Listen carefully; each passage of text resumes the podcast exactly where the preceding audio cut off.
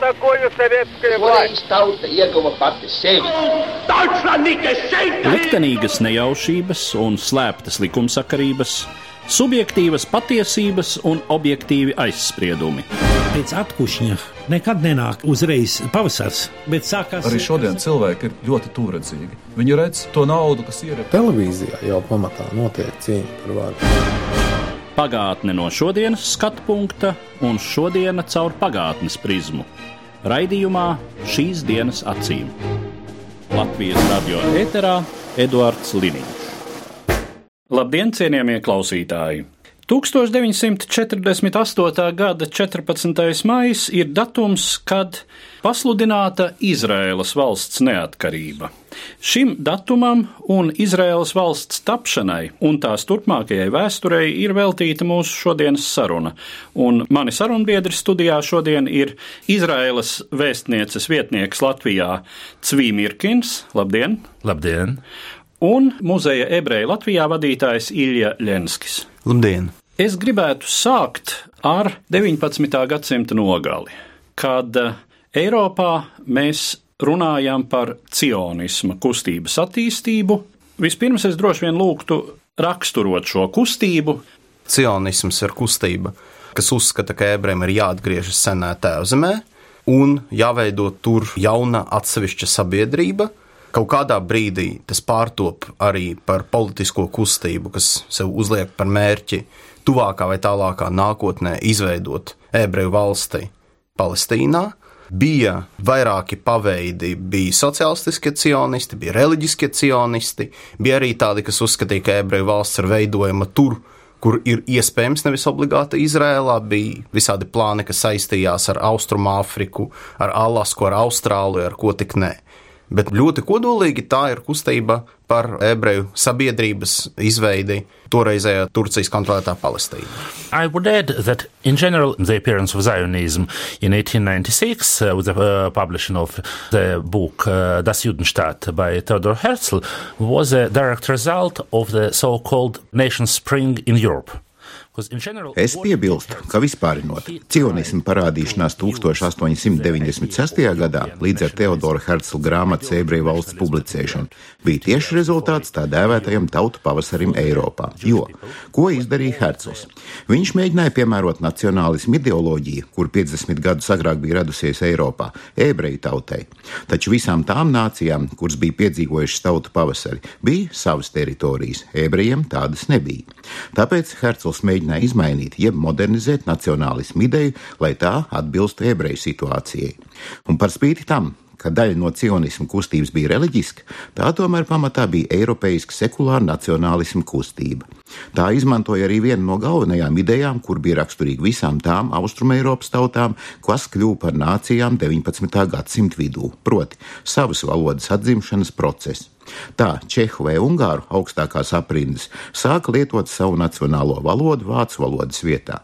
Tas pats notika arī ar ebrejiem. Viens no cionisma elementiem bija ebreju valodas jeb ivrita atzimšana. Šī valoda bija svarīga visām ebreju kopienām, kā viens no ebreju tautas vienotības apliecinājumiem.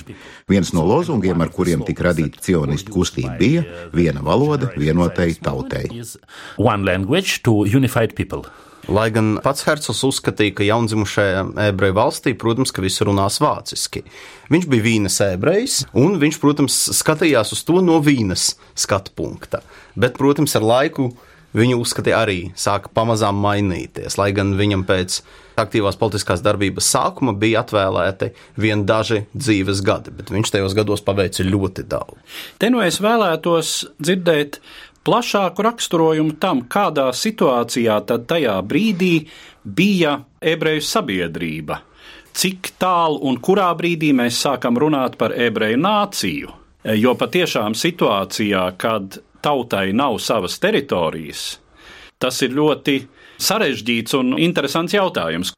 It's a very complicated question because the question, what is Jew, exists till now And it's one of the important topics in even now in uh, Israeli internal political discussions. But in general, uh, Tas ir ļoti sarežģīts jautājums, jo jautājums par to, kas ir ebrejs, pastāv joprojām, un pat šobrīd ir viena no aktuālām tēmām diskusijās par Izraels iekšpolitiku. Taču, kopumā ņemot, ebreji bija ļoti savādā situācijā.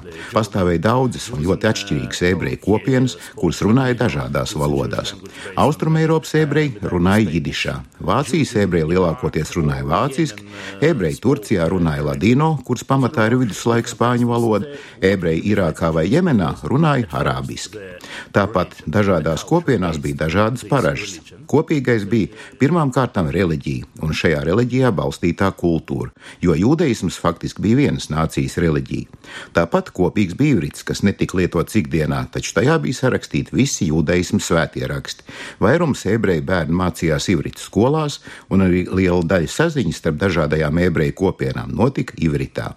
Tāpat savā ziņā vienojošais bija attieksme pret Svēto zemi, pret Izraēlas zemi jeb Palestīnu.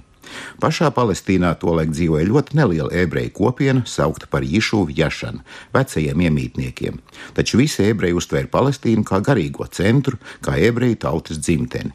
Jautājums bija, kad ebreji atgriezīsies Palestīnā, tagad vai līdz ar jauna mesijas atnākšanu bet visi ebreji visās kopienās, kā viena no galvenajām frāzēm savu lieldienu vakariņu noslēgumā teica, nākamo gadu Jeruzalemē.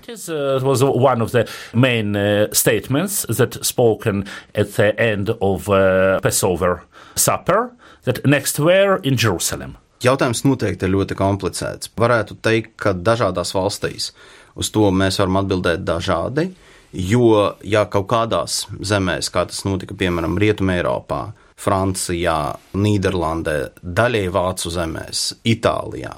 Mēs varam teikt, ka ebreji sevi uzskatīja vai mēģināja vismaz sevi pozicionēt kā lielas politiskās nācijas sastāvdaļu, neakcentējot sevi kā atsevišķo tautu, lai gan vēsturiski, protams, ka ebreji vai viņi dzīvotu Irākā vai viņi dzīvotu Itālijā, sevi uzskatīja par vienu tautu etniskajā nozīmē, kā mēs šodien teiktu. Austrumēropā situācija bija citāda. Mēs redzam, ka Austrumēropā, tā skaitā daļai Vācu zemēs, bet galvenokārt mēs runājam par Krievijas impēriju, tur bija tendence no varas iestāžu puses uz ebreju etnizāciju, ebreju izslēgšanu no sabiedrības. Ja sākotnēji tā bija izslēgšana reliģiskā, tad nāca liela liberalizācija Aleksandra II valdīšanas laikā, un tad jau Aleksandra III valdīšanas laikā tieši otrādi nāk ļoti strikta represīvā politika, un ebrejus sāk valsts iestādes definēt bioloģiski, ja mēs to varētu teikt. Tas sakrīt ar lielā mērā ar ebreju sabiedrības sekularizāciju, kas nozīmē, ka ebreji gribi, negribi, bet sāk sevi identificēt kā politisko, etnisko nāciju, un lielā mērā, protams, ir svarīgi, ka ebreji gāja universitātēs ļoti aktīvi 19. gadsimta vidū kur ne tikai viņi komunicēja ar citu etnisko grupu pārstāvjiem, bet viņi, protams, smēlās arī jaunās idejas, kā Civili ļoti pareizi pasvītroja. Cionisms bija lielā mērā modernā Eiropas nacionalistiskā ideja, un, protams, ka šie procesi ebrejiem notika lielā mērā, mēs varētu teikt, paralēli tam, kas notika latviešiem, ukraiņiem. Tad faktiski mēs varētu teikt, ka vismaz Austrum Eiropā 19. gadsimta otrajā pusē bez kaut kāda konkrētā mērķa tomēr ebreji kļuva par politisko nāciju kaut kādu apstākļu sakritības dēļ, daļēji vismaz. And also, I have to mention the role of one another factor, the role of antisemitism.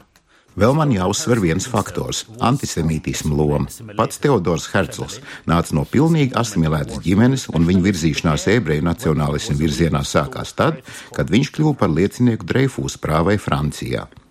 Tāds pats process notika Krievijas impērijā, jo iesākumā galvenā cionisma bāze bija tieši Krievijas impērijas ebreju vidē. Ilja jau pieminēja Aleksandra III valdības politiku. Šī valdība mainīja kursu. Līdz tam ebreji arī bija visdiskriminētākā minoritāte Krievijas impērijā, taču diskriminācijas mēģis bija piespiest viņus mainīt konfesiju, pārējot kristietībā. Aleksandra III laikā politika kļūst daudz skarbāka, un, kā izteicās viens no viņa padomniekiem, mūsu mērķis ir atrisināt ebreju jautājumu tā, ka vienai trešdaļai ebreju ir jāizbrauc, vienai trešdaļai jāmirst un vienai trešdaļai jāsimilējas. Šī politika piespieda daļu ebreju, lielākoties tos, kas tika izstumti no sociālās dzīves, saprast, ka Krievijas impērijas ebreju kopienās viņiem nav nākotnes, un viņi sāk meklēt citus risinājumus. Un jau pirms Hercla 19. gadsimta 70. gados parādījās pirmās idejas par atgriešanos Cionā.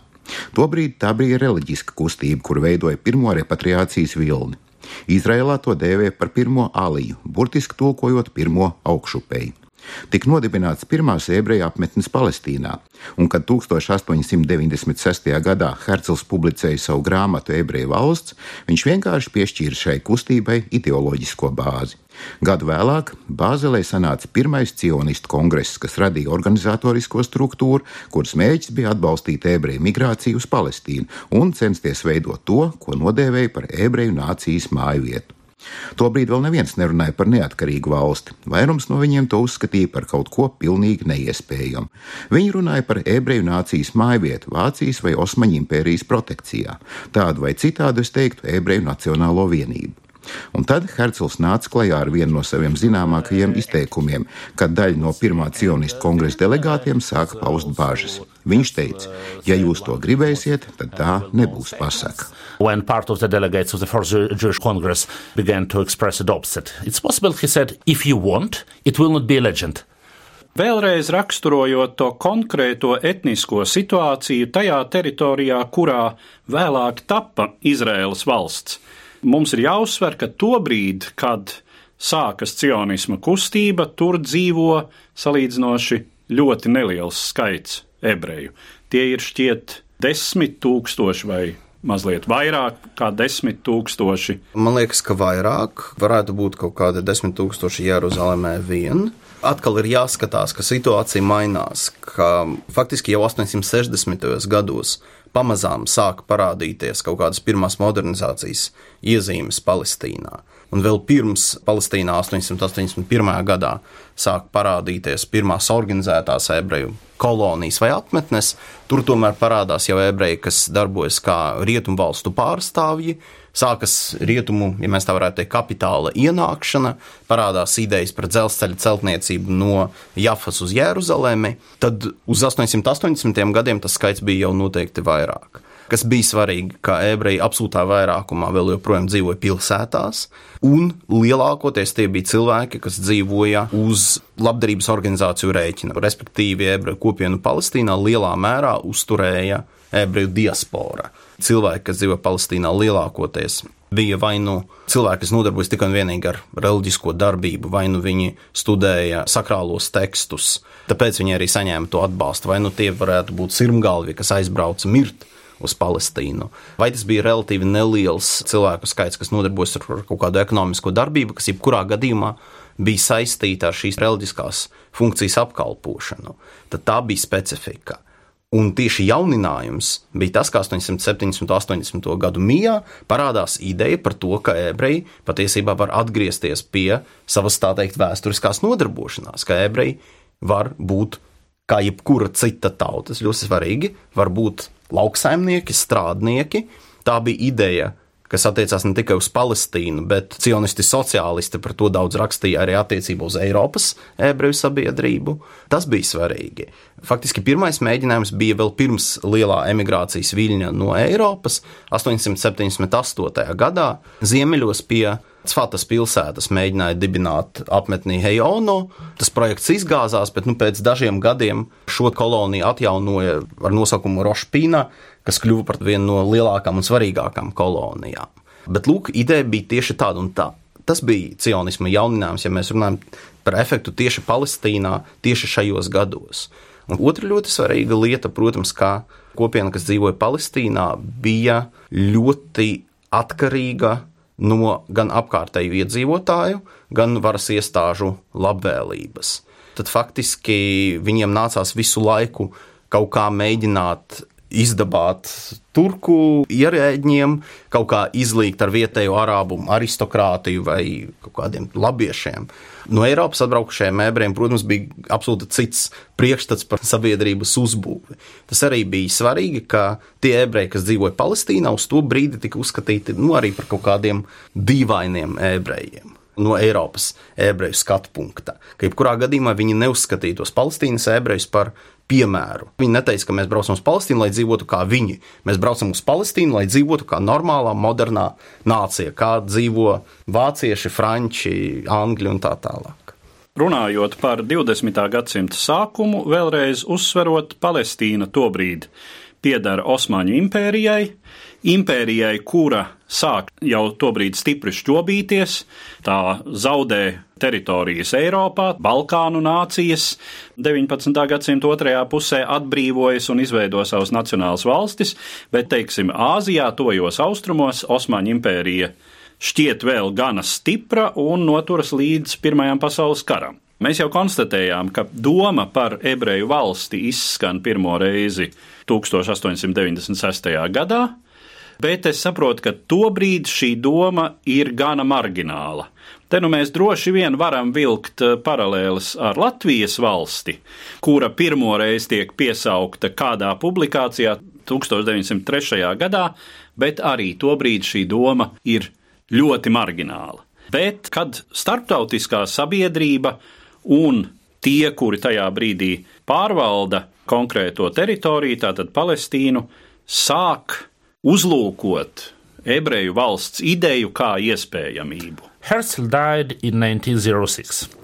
On my view, his main achievement isn't the invention of the idea of Jewish state or the return of Jews to Palestine. His main achievement is that he succeeded to turn this issue to the one of the topics of international agenda. Herzls mira 1906. gadā. Manuprāt, viņa galvenais sasniegums nav ideja par ebreju valstu vai ebreju atgriešanos Palestīnā. Viņa galvenais sasniegums ir šīs tēmas padarīšana par vienu no starptautiskās politikas dienas kārtības jautājumiem. Tas nebija starp svarīgākajiem jautājumiem, bet tas parādījās dienas kārtībā. Herzls sastapās ar daudziem Eiropas līderiem, ar Osmaņu sultānu Abdulhamidu, ar Vācijas ķēzaru Vilhelmu. Viņš meklēja jebkādu atbalstu, taču par pavērsienu punktu kļuva Pirmais pasaules karš, kad cionismu līderi pirmkārt izvēlējās Lielbritāniju kā galveno bāzi savu ideju īstenošanai, galveno atbalstošo spēku. Viņi panāca vienošanos ar Britu valdību par pirmo ebreju vienību veidošanu Lielbritānijas armijā. Ļoti liela loma bija vienam no cionismu kustības līderiem, doktoram Haimam Veitsmanam, kurš dzīvoja Lielbritānijā. Paralēli savai politiskajai karjerai viņš bija zinātnieks, ķīmiķis, un tas, lai cik paradoxāli neliktos, palīdzēja Veitsmanam viņa politisko ideju īstenošanā. Veitsmans veids ļoti svarīgu izgudrojumu. Viņš radīja filtru gāzmaskai. 1916. gadā tas bija ļoti svarīgs izgudrojums, kas palīdzēja viņam veidot plašāku saskaru ar Britu valdību un pārliecināt to atbalstīt sionismu idejas. Jau pasaules kara gaitā Londona domāja par to, kā būtu jāizskatās pasaulē pēc kara, kā būtu jāizskatās tuvējiem austrumiem, jo bija gandrīz nepārprotams skaidrs, ka Osmaņu impērijai ir beigas. Palestīna tās geogrāfiskā novietojuma dēļ bija ļoti svarīga. Te arī veidojās kopīgās intereses, jo Lielbritānija bija ieinteresēta iegūt kontroli un pozīcijas Palestīnā. Savukārt cionistu līderi redzēja Lielbritānijā iespējamo protektoru ebreju nācijas mājvietē Palestīnā. Rezultāts bija dokumenti, kas parādījās 1917. gadā, tā dēvētā Balfūra deklarācija. Tā bija Britu ārlietu sekretāra Lorda Balfūra vēstule adresēta Haimam Veitsmanam, kurā bija teikts, ka viņa majestātes valdība neiebilst pret ebreju nācijas mājvietē mājvietas dibināšanu Palestīnā. Tā bija pirmā ebreju nācijas mājvietas idejas atzīšana no pasaules lielvaras puses. So it was the first recognition of the idea of Jewish national home in Palestine by one of the world powers. Te es domāju, ik viens, kurš eh, to dzird un kuram ir priekšstats arī par Latvijas vēsturi, saskata diezgan daudz saskars punktu, jo, kā zināms, Lords Balfūrs bija tā persona, kurai ir ļoti nozīmīga loma arī Latvijas valsts tapšanā 1918. gada 11. novembra vēstule tobrīd Londonā esošajam Zigfrīdam Annam Meirovicam, un tas arī ir kopīgi. Protams, viņa majestātes valdība tajā brīdī nerunā par suverēnu Latvijas valsti. Tiek runāts par to, ka mēs atzīstam Latvijas gadījumā tā ir Latviešu pagaidu Nacionālā padome, šo padomi par latviešu tautas pārstāvi šai teritorijā, un tad ceram uz jūsu tautas nodrošinātu nākotni. Nu, arī ebreju valsts gadījumā tiek runāts par ebreju tautas, burtiski tulkojot māju vietu. Tātad Palestīnā varētu būt ebreju tautas māju vieta, bet šķiet, ka tajā brīdī, Pirmā pasaules kara noslēgumā, kad eh, Palestīna kļūst par Britu mandātu teritoriju, tātad Britu militārā un politiskā virspārraudzībā ar formulējumu līdz brīdim, kad šīs teritorijas iedzīvotāji paši varēs noteikt savu valstisko nākotni, un vēl visai ilgi tiek runāts par šo formulējumu ebreju nācijas mājvieta angļu valodā Home of Jewish Nation. Kā šis koncepts iekļaujas tā laika starptautisko attiecību, starptautisko tiesību kontekstā? Vispirms ir jāsaprot, ka Angļu mandāts oficiāli tika nostiprināts, ja nemaldos, tikai 1922. gadā. Respektīvi, nav tā, ka 17. gadā, iekarojot Palestīnu, uzreiz tur sāk veidoties tā sistēma, kuru mēs pazīstam pēc teiksim, 20. gadu nogales. Tomēr tas viss ir veidošanas procesā. Un te ir vairākas ļoti svarīgas lietas. Pirmā, kā ar Pirmo pasaules karu, drīzāk ar karu nogali, parādās ideja par tautu tiesībām uz pašnoteikšanos, parādās Vilsona 14 punkti, parādās Tautu Savienība. Tautu Savienība, kā jūs zināt, izstrādā arī speciālās deklarācijas, kuras ir jāparaksta jaunām valstīm tā izskaitā par minoritāšu aizsardzību. Dažas valstis paraksta, dažas neparaksta, Latvija tā izskaitā neparaksta, bet tomēr parāda, ka arī bez deklarācijas parakstīšanas mēs šīs tiesības ievērojam. Arī tās tautas ir uzskaitītas. Nav tā, ka, ja runa par visām tautām, jebkur pasaulē, nē, tas ir risinājums konkrētai situācijai konkrētā reģionā. Un, protams, kā runa par ebreju nacionālām mājām, nacionālo pavārdu, kā tas tika kaut kādā brīdī formulēts Palestīnā, arī labi iekļaujas šajā situācijā, ka lūk, mēs aizsargājam grupu, kas tur jau ir, kura ar šo reģionu saista savu nacionālo kustību, etnisko grupu, kurai ir politiskie līderi, ar kuriem mēs varam runāt, tas arī ir svarīgi. Ka kaut kādā brīdī ir vajadzīga elite, ir vajadzīga grupa, kas var aizbraukt, rupīgi sakoties, uz Parīzi, labi ģērbusies un labā franču valodā Versaļas miera konferencē pastāstīt, ko viņi īsti grib. Tā skaitā Versaļas miera konferencē ir arī cionistu pārstāvji. Tur ir gan cilvēki no Austrumēropas, bet ir arī cilvēki no Anglijas, Francijas, ASV, kas darbojas kopā. Tad Protams, ka šīs stāsts ļoti labi iekļaujas tajā konstrukcijā, bet viena lieta, varbūt Mirkļņkungs mani palabos, ka paralēli šai sadarbībai ar ebreju nacionālo kustību Lielbritānija un arī Francija izvērš vismaz mēģinājumu sadarboties ar Arābu nacionālo kustību. 916. gadā sākas Arābu sacelšanās pret Otomānu impēriju, tieši kas notiek ar Lielbritānijas atbalstu. Un lūk, te parādās arī kaut kāds sadursmes punkts. Jo, protams, ka 17. gadā abas šīs kustības uzskata, ka Palestīna ir viņiem apsolīta. Tad mums ir jāsaprot, ka Lielbritānijas atbalsts nav kaut kāds atbalsts aiz labsirdības, ka Lielbritānija risina, mēs varētu teikt, savus uzdevumus, tāpat kā tas notiek Austrumē Eiropā, bet cionistu spēks ir tas, ka viņi spēj vienā valodā, vienā līmenī, tāpat kā Latvijas politiskā elite, runāt ar rietumvalstu pārstāvjiem un viņus pārliecināt. Tas ir ļoti svarīgi. And uh, then also began very interesting, very important period in history of Jewish Palestine. In Israel, it's called the period of state on the way, the Valstsela. Tad iesākās ļoti interesants un nozīmīgs ebreju Palestīnas vēstures periods, kuru Izrēlā dēvē par valsts ceļā periodu. No vienas puses, Briti Palestīnā radīja politisko sistēmu un ievies politiskās institūcijas, un šajā laikā sāk iekļaut ebrejus šajās institūcijās. Tā, ja pareizi atceros, 1932. gadā vienā no Palestīnas tiesām pirmo reizi tika iecelts ebreju tautības tiesnesis. 1923. gadā tika publicēts karaļa rīkojums par valsts valodām Palestīnā, ar kuru oficiālu statusu iegūta trīs valodas - angļu, ivrits un arābu valoda. Tātad Palestīnas tiesās ļaudis iegūt tiesības runāt ivritā, un tas bija ļoti svarīgs moments. Paralēli šim procesam ebreji sāk veidot paši savas politiskās institūcijas.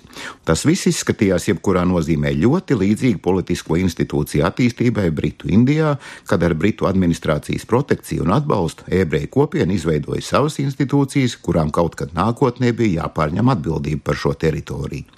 Divas galvenās institūcijas bija ebreju aģentūra, kas bija atbildīga par kopienas vadību un tās starptautiskajām attiecībām, un Histadrut, Palestīnas ebreju ārotbiedrība vispārējā apvienība, kur arī faktiski īstenoja ebreju kopienas pārvaldi.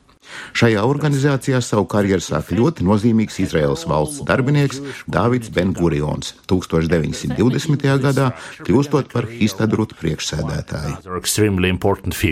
David Ben Gurion became, at the beginning of 20s, the chairman of uh, the Histadrut.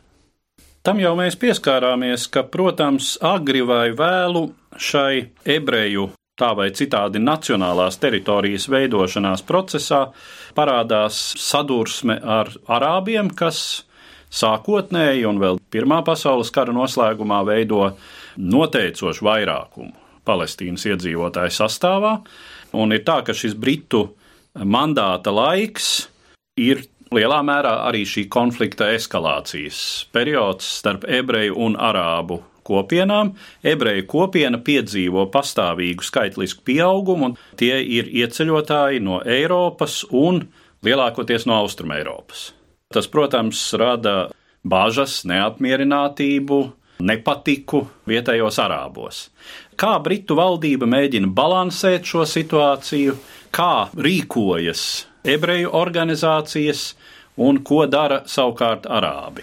Uh, at first, I would like to say that uh, the conflict appeared not at the beginning of the story.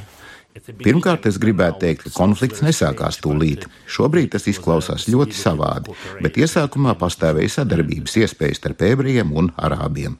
Arī Palestīnas arābu iedzīvotāju skaits nemaz nebija tik liels. Tas sāk augt 20. gados, kad Palestīnā sākās ekonomiskā attīstība un arābi no pieguļošajām teritorijām sāka pārcelties uz Palestīnu. Viens no tā laika arābu līderiem, Feisals Ibn Huseins, kurš kļuva par pirmo Irākas karalu, ļoti atbalstīja sadarbību ar cionismu, jo saskatīja tajā to austrumu modernizācijas iespēju. Problēmas cēlonis radās Palestīnā, un, lai cik dīvaini nebūtu, formāli tas nebija saistīts ar ebrejiem. Palestīnas arābus pārvaldīja divi klani, starp kuriem nevaldīja sevišķi labas attiecības. 20. gada sākumā konflikts starp šiem diviem klaniem faktiski pārauga karā. Viens no klaniem, kas sākotnēji bija ietekmīgāks, Naša šī bija dzimta, ieturēja samērā pozitīvu nostāju pret ebreju apmešanos Palestīnā. Attiecīgi pretējais klans, Al-Huseinī dzimta, izvēlējās antiebreju pozīciju kā daļu no cīņas pret saviem palestīniešu pretiniekiem. Al-Huseinī klanam šai cīņā izdevās uzvarēt. 1920. gadā notika pirmie arābu nemieri Palestīnā, kur vērsās pret ebrejiem un cionismu. 1929. gadā notika pirmais grautiņš, kad arābi apslaktēja ebreju kopienas locekļus Hebronā. Šādi iekšējs arābu konflikts pārauga antiebreju kustībā. Britu administrācija mēģināja šo problēmu risināt, taču tā kā viņi redzēja, ka arābi šajā reģionā ir vairākumā, tad atbildīgās personas Palestīnā un arī Londonā nolēma, ka problēma ir ebreju imigrācija. Viņa pirmā atbildes reakcija bija vispārējās politiskās līnijas maiņa Palestīnā, kur viens no galvenajiem elementiem bija ebreju imigrācijas ierobežošana. And the first response was the change of the general policy line in Palestine, and one of the main elements, uh, the limitation of Jewish immigration to Palestine. Kas arī bija svarīgi, tad, teiksim, Našašibī klāns bija diezgan pozitīvi noskaņots attiecībā pret sadarbību ar Britu administrāciju. Mēs redzam, ka vispirms viņi sākotnēji bija diezgan labi integrēti Turcijas valstiskās struktūrās, no šīs ģimenes nāca vairākās paudzēs Jeruzalemes pilsētas galvas, piemēram. Tad Viņi palika šajās diezgan augstās pozīcijās arī Britu mandāta laikā. Mēs varētu teikt, atkal, ka te ir zināmas paralēles arī ar Latvijas Nacionālā kustība, ka mums ir dažādas grupas, ka dažas ir integrētas kaut kādās valstiskās hierarhijās un uzskata, ka viņi caur šīm struktūrām var sev izcīnīt vēlamo rezultātu. Savukārt Huseinī klāns uzskatīja, ka tieši otrādi, ka viņi sevi pozicionēs kā tādus īstus brīvības cīnītājus pret visiem, un arī kā ļoti dedzīgus, mēs varētu teikt, gan reliģiskos, gan arī sekulāros arābu nacionālistus. Tas arī ir svarīgi, ka viņi uzskatīja, ka Našašibī klāns ir šodienas valodā runājot kolaboranti. Bet tāpat arī ebreju kopienā arī bija dažādi strāvojumi. Tas ir jāsaprot, ka, kad mēs runājam par 20. un 30. gadu Palestīnu, mēs nerunājam par monolītiem arābiem, monolītiem ebrejiem ka abu kopienu iekšēnē bija ļoti liela daudzveidība. Politiskā, bet arī mēs varētu teikt, reliģiskā, jo atkal runājot par arābiem, mums ir jāatcerās, ka lielāka daļa tie ir musulmaņi, bet ir 20. un 30. gados vēl joprojām gandrīz izzudusi kristiešu kopiena. Un tieši arābi kristieši ir intelektuāli ietekmīga, ir moderna arābu sabiedrības daļa. Tie ir cilvēki, kas ir aktīvi publicistikā, žurnālistikā, viņi ir aktīvi politikā, un arī tas ir ļoti svarīgs elements, kāda ir dinamika arābu kopienas iekšēnē, un kādi uzskati tur valda attiecībā uz to, kā miedarboties ar ebreju kopienu. Līdz ar to izskan pirmā daļa no sarunas, kas veltīta Izraēlas valsts tapšanai 1948. gadā un tās vēsturei. Mani sarunbiedri studijā ir Izraēlas vēstnieces vietnieks Latvijā Cvīmirkins un muzeja ebreji Latvijā vadītājs Ilja Ļenskis. Mūsu sarunas turpinājumu klausieties Svētdien, 24. jūnijā pēc trijiem pēcpusdienā. Uz redzēšanos, cienījamie klausītāji! Par pagātni sarunājas Eduards Līniju.